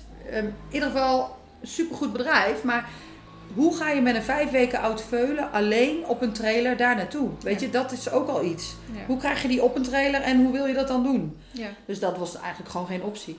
Dus we hebben ehm, de, ehm, eh, de, de, de moeder, of Violet zeg maar, als uh, Guste Merrie eh, geprepareerd zelf. Ja. En ehm, met behulp van Dagne, die is toen op de fiets, die woont vlak bij de Uithof, op de fiets naar de apotheek van de universiteitskliniek eh gesjeest. En ik met de auto dus naar haar toe.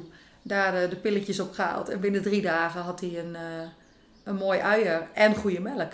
Ja. Bizar dat En het kan, mocht ook Loekie aan, de, aan Ja. het uien drinken. Ja, grappige dat moment dus is zo bijzonder. Ja, het grappige is dat Lucie natuurlijk van een KWPN'er komt. Ja. En ehm Violet was een C.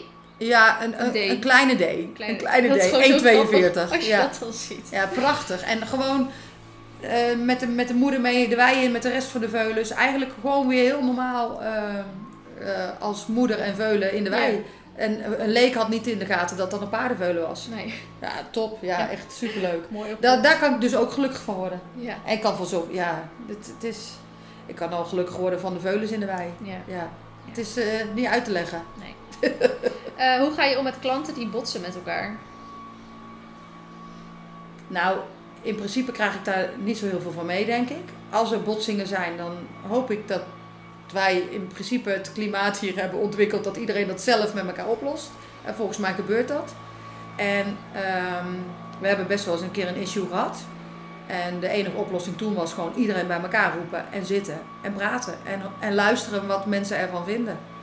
Ja, dus luisteren naar elkaar en praat met elkaar. Ja. En eh, los dingen gewoon normaal op. Moet ik zeggen dat we dat niet zo heel veel Nee. ervaren ook. Nee, Nee. niet. Nee. Eh, wat doe je als je vindt dat een pensioenklant echt niet goed met zijn of haar paard omgaat? Ja, moeilijk verhaal. Ehm, ik vind dat we er niet al te veel over moeten gaan zeggen. Eh, maar dat kost wel eens moeite natuurlijk om het in te slikken. En toch doe, ja, tot een bepaalde grens moet je toestaan. denk ik. Ja, je kunt niet zeggen van dat moet je niet doen of moet je. Je moet een ander niet gaan vertellen wat ze willen doen. Dat is denk ik ehm, het moeilijkste wat je, wat, wat de, als pensioeneigenaar denk ik, daar moet je gewoon heel vaak ook je, je woorden inslikken. Je kunt een ander niet opleggen iets te doen. Nee. Nee. Eh, Vrije wil heet dat toch? eh, vind je het soms niet moeilijk om zo'n grote pensioenstal te hebben? Of een kleinere gewild of... ehm, Eh, het is soms wel eens moeilijk om alle ballen in de lucht te houden. En eh, dan de combinatie met het bedrijf, privé, eh, gezin, eh, prioriteiten stellen. Ja, dat is soms best moeilijk. Ja. En ehm, ik ben een type, ik wil, alles wat ik doe wil ik goed doen. En eh, sommige dingen laat ik dan iets meer even voor wat het is. En dan pak ik andere dingen op. En die andere dingen pak ik dan wel goed op. Ja. Ja, ja. Kijk, ik heb eh, functie in bestuur. Ik heb een functie bij het Welstandboek. Ehm, of, ja, je hebt best wel veel dingen ook. Buiten het trainen en het, de fokkerij, eh, het, het opleiden, het lesgeven van de kinderen. eh, de leaseponies met de kinderen onderhouden. eh, ja, het welzijn van mijn eigen paarden, het management. Ja, er is best wel veel wat, daar, ehm, wat erbij komt kijken. Ja, dus dat is soms best moeilijk en dat moet je leren. Ja. En ergens is het denk ik ook daarom misschien wel goed dat ik op dit moment zelf niet rijd. Hoe erg ik het ook mis. Als ik dat er ook nog bij zou hebben, dan zou ik ook weer iets erbij hebben wat je weer half doet. Ja. En dat, dat is niet mijn ding. Nee. Ik hou er niet zo van. Eh, wat is de grootste fout die andere pensioenstallen maken? Geen idee. Hou ik me niet zo mee bezig. Ehm, ik vind vooral dat ze, iedereen moet doen zoals hij denkt dat het goed is. En wat ik, ehm, wat ik zelf heel belangrijk vind is gewoon ja, doen wat je zegt en zegt wat je doet. Wees open. eh, vertel gewoon eh, zoals het is wat je doet. En ehm, ja. Ja, of daar. Goed en fout, ik vind dat ook heel lastig. Wat is goed, wat is fout? Wie bepaalt dat? Iedereen eh, moet het op zijn eigen manier doen die goed bij hem past. Blijf bij jezelf, toch? Ja, ja. Dat is het, denk ik. Eh, hoe hou je zo'n grote stal draaiende? Ja, door heel veel eh, tijd en passie erin te stoppen. Eh, het met elkaar te doen. Mensen mensen zijn, denk ik vooral. Je kunt niet zeggen van ja, ik hou van paarden, ik begin een pensioen. Maar die mensen, ja, dat is een beetje jammer. Ja, dat kan niet. Nee. Je moet ook met, van, met mensen om kunnen gaan. Ja. Dus ja, hoe hou je dat draaiende? Door, ja, Wat een stilte ineens. heerlijk. Ja, Een bladblazer die Ja, bezig leuk, was. toch? ja, dat werkt. Ja. Hoort er wel bij. Hoort erbij, ja. Nou ja, hoe hou je het draaiende? Ja, ehm, dat weet ik niet. Nee, niet eens denk dat, ja, gewoon. nee, dat is het denk ik. Gewoon het doen.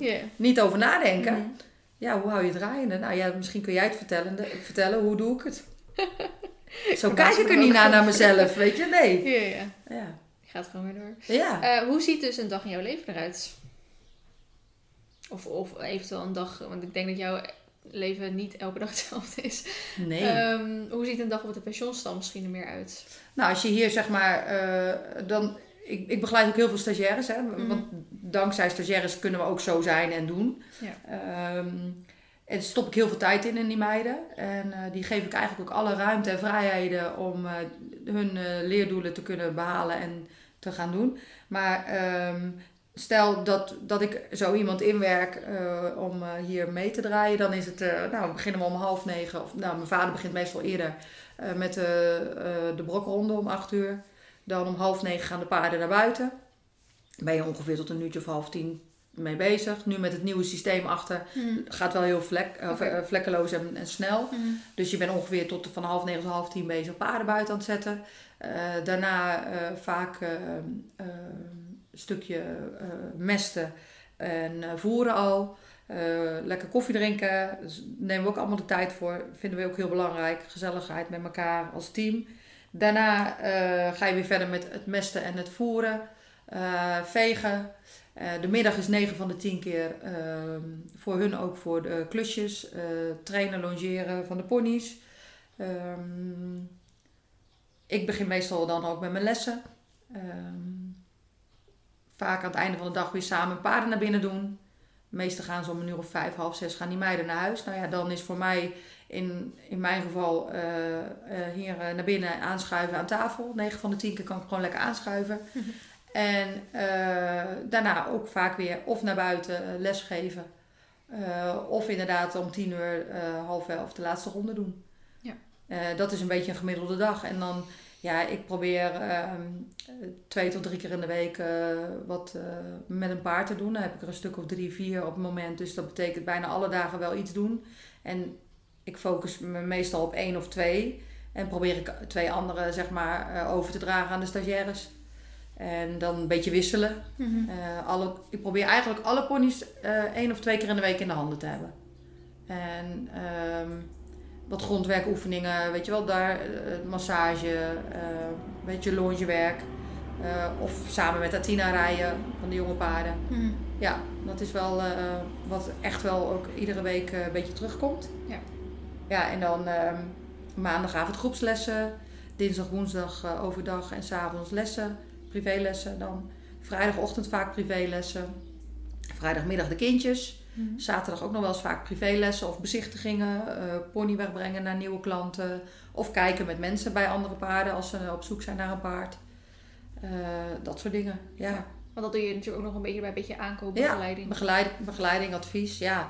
Dus voor, vooral ook vaak al voor bestaande klanten die hier al staan. De, Mm. waar- Die zeggen van nou, ik wil graag een nieuw paard. Of ik, ik wil de pony verkopen, ik wil een nieuw paard. Wat vind je ervan? Kun je een keer mee? Of ja, dat soort dingen. Ja, ja. ook nog. Ja. Ook nog. Ehm, heeft de stal onder corona geleden? Ehm, de stal aan zich niet zo. Eh, waar we wel natuurlijk last van hebben gehad is eh, een periode, vooral in die lockdown, de groepslessen. Ehm, nu op het moment heb ik eh, het ook even stil in de groepslessen. Omdat ik gewoon ook eigenlijk een beetje mee wil werken aan de bedrijvigheid van het, het verplaatsen en het transport. Ehm, dus eh, zeg maar eh, nu even drie weken, vier weken geen eh, groepslessen. Maar wel weer de privélessen. Dus dat, het, het rijden van buitenaf met vreemde paarden, dat laat ik ook gewoon toe. Alleen doen we zeg maar niet evenementen of lessen waar dan, want toeschouwers is ook weer niet toegestaan. Dus dat is Mhm. allemaal weer een beetje lastig. Eh, kinderlessen gaan ook gewoon wel door. Dus er is wel even wat verschuivingen geweest, ja. Ja. ja ik heb ook wel wat minder ehm, lessen gehad. Maar het trekt nu alweer heel erg aan. Ja. Ook omdat iedereen natuurlijk nu nergens heen kan, Ja. besteden ze hun tijd weer meer ook aan de training. Ja. Aan basisdingen. En ja, eigenlijk iedereen kijkt denk ik heel erg uit naar 2021. dat idee krijg ik er een beetje Ja, van. een beetje. Ja, ja dus Ehm, nee. Maar wat we wel last van hebben is natuurlijk hogere prijzen. eh, veranderende dieselprijzen, veranderende eh, grondstoffen zoals eh, vlas moeilijker te krijgen. Ehm, ja, dat, dat soort dingen, die basisdingen wel. Ja, ja, Ja. ja. vaste lasten gaat allemaal natuurlijk wel gewoon door. Dus dat wordt eh, wel eh, wat moeilijker links en rechts natuurlijk. Ja, iedereen wordt er door geraakt. Ja, natuurlijk. Ergens. Iedereen op een manier wordt Ja. doorgeraakt. Ja, Ehm, laatste vraag voor deze podcast. nou, we, je hebt een paar keer voorbij laten komen over leaseponies. Ja. Eh, is het mogelijk om bij jullie een verzorgpony te nemen? Eh, nee, niet zozeer echt een verzorgpony. Eh, wat ik doe is inderdaad een leasepony. Dat is een ander traject. Ehm, een beetje ontstaan uit het manegeverhaal wat ik vroeger een beetje had. Eh, wat heel lastig was en is, is om als ehm, verschillende ruiters op één pony steeds. Weet je wel dat? Dat ging de ponies ook niet ten goede. De kinderen gaat het ook niet ten goede, vind ik persoonlijk. Eh, op sommige maneges werkt het heel goed, maar daar is alles eromheen ook heel goed voor elkaar. Maar het, het, eh, het rijden, eh, of de ponies bereden worden door drie, vier kinderen achter elkaar, weet je, dat is heel lastig. Allemaal verschillende signalen. En omdat ik best wel veel werkte met jonge ponies, is dat heel lastig. En Mhm. ja, zo'n pony gaat dan heel snel doen waar hij zelf zin in heeft. En die wordt niet begrepen. Of de, het kind begrijpt de pony niet. Nou ja, dat lukt natuurlijk niet. Dus Mhm. Eh, wat ik heb gedaan is uiteindelijk eh, per pony één, maximaal twee ruiters zien te vinden. En dan die pony op die dagen voor zichzelf echt als eigen pony te beschouwen. En ehm, ja, in mijn beleving eh, werkte dat wel. Want Ja. uiteindelijk is op die basis zijn ook heel veel ponies gewoon weer lekker de sport ingekomen. En ehm, ehm, ja, best wel heel wat kampioensponnetjes uit voortgekomen. Maar ook zeg maar met verschillende kinderen. En ja, hoe mooi kan het zijn dat je als kind op een ervaren pony eh, gaat leren rijden. Eigenlijk zoals het hoort. Ja, dat je voelt van, oh ja, zo moet het. En dat je daar een jaar of een drie kwart jaar eh, eh, serieus gaat trainen en tijd investeren. En dat je dan op de wedstrijden rijdt en je voorganger eigenlijk ook achterna gaat. En ook gewoon Gelders kampioen of Nederlands kampioen of wat dan ook wordt. Mhm. En ja, dat zo'n pony dat dan misschien wel twee, drie, vier keer kan doen. Ja. Eh, dat is met Olly gebeurd, dat is met eh, Liberty gebeurd, dat is met eh, Freedom, met Madelief en natuurlijk Madonna. Ja, Madonna staat overal, maar Tundetje. Weet je, dat zijn allemaal van die ponies die ehm, eh, je- de kinderen zo wegreis kunnen maken in de sport. Maar niet met vijf, zes, zeven, acht kinderen achter elkaar. Daar worden ze echt niet vrolijker van. Nee. Tenminste, in mijn beleving. Mhm. Dus uh, Dus eh, nee, geen verzorgpony, Nee, maar wel eh lease, eh, leaseponies. ponies. Ja, En ja. dan voor eh, meerdere dagen in de week. Ja, drie dagen, vijf dagen. Eh, twee dagen kan ook, heb ik inmiddels ook. Omdat je merkt dat er ook best wel, ja, best wel veel eh, eh, druk is op school of zo, weet je. En dat er dan eigenlijk drie dagen is te veel voor sommige kinderen. Mhm. Dus twee dagen heb ik inmiddels ook. En daar zit dan in dat je zeg maar voor een bedrag per maand een pony kan leasen. En dan heb je standaard iedere week op vrijdag les.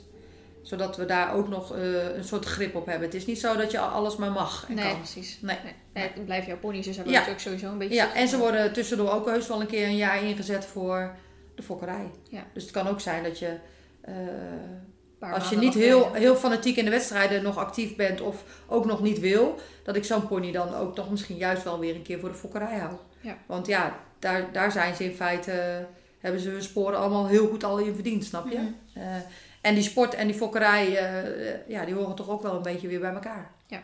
Dus ja. Ja. En daardoor is dan ook een stukje lease. Ja. Zodat ze wat beweging door de week houden. Ja. Ja, Precies. dat.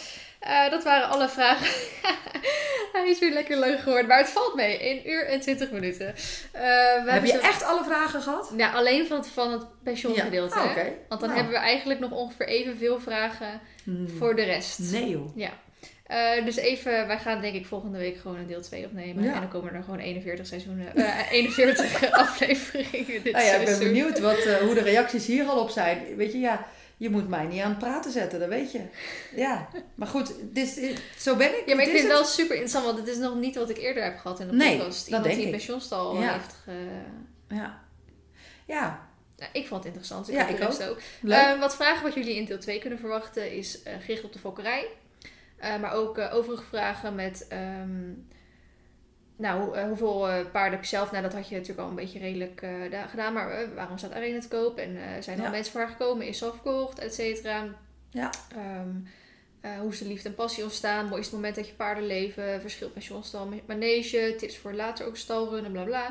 En ook de vraag inderdaad van... ehm, eh, wat dacht je toen eh Feline bij jou op stal kwam? Of eh, ga je er missen als ze gaat verhuizen? En heb je soms last van, van gekke fans hier op het erf? allemaal dat soort vragen Oh, komen heerlijk. allemaal in deel 2 voorbij. Die komt Nou, volgende week online. Ja. Laat even weten in ehm, mijn DM wat je van deze podcast vond. Ehm, mensen kunnen wel Stal Roosendaal volgen op Instagram. Jij hebt natuurlijk ook nog je eigen Instagram. Maar dat ja, maar gewoon ze- Stal Roosendaal is vrij te volgen. Ja, Stal Roosendaal Eh, Bennekom. Mijn eigen Instagram, ja, daar krijg ik ook natuurlijk heel veel volgverzoeken op. Maar daar, daar zitten er zoveel in mijn, eh, in mijn eh, inbox dat ik denk, ja, dat volg ik niet. Ehm, dus gewoon Stal Roosendaal volgen. Dan eh, ben ik niet zo heel actief op als op mijn eigen misschien. Maar eh, ehm, Nou, ja, ook dat, is, de, ook dat is voor mij niet het belangrijkste Mm. in mijn leven. Want je hebt het niet nodig. Nee, qua ik, ik doe het wel. Ja, inderdaad. Het is een, een stukje noodzakelijk om gewoon iedere keer nog een beetje, beetje Met mensen, mee te gaan. ja, met, ja, en mensen een beetje bewust mee te laten genieten van, eh, van ja, hoe wij het hier doen. Eh, want straks als jij er niet meer bent, denk ik dat ik het zeker zal moeten doen. Nee, grapje. Ehm, nu gaat het allemaal als vanzelf. Nee. Maar ehm, ik doe dat wel inderdaad. En eh, ik probeer daar toch ook wel regelmatig even iets te posten. En ehm, ja, volg maar gewoon. Ja. Ja. En anders kom je een keer langs als mensen interessant eh, of eh, ja, iets willen. Of ze- moeten ze gewoon maar een berichtje sturen. Die Precies. staan overal voor open. Dat weet je. Ja. Nou, bedankt voor het luisteren allemaal. En eh, we spreken jullie gewoon weer volgende week. Doei doei.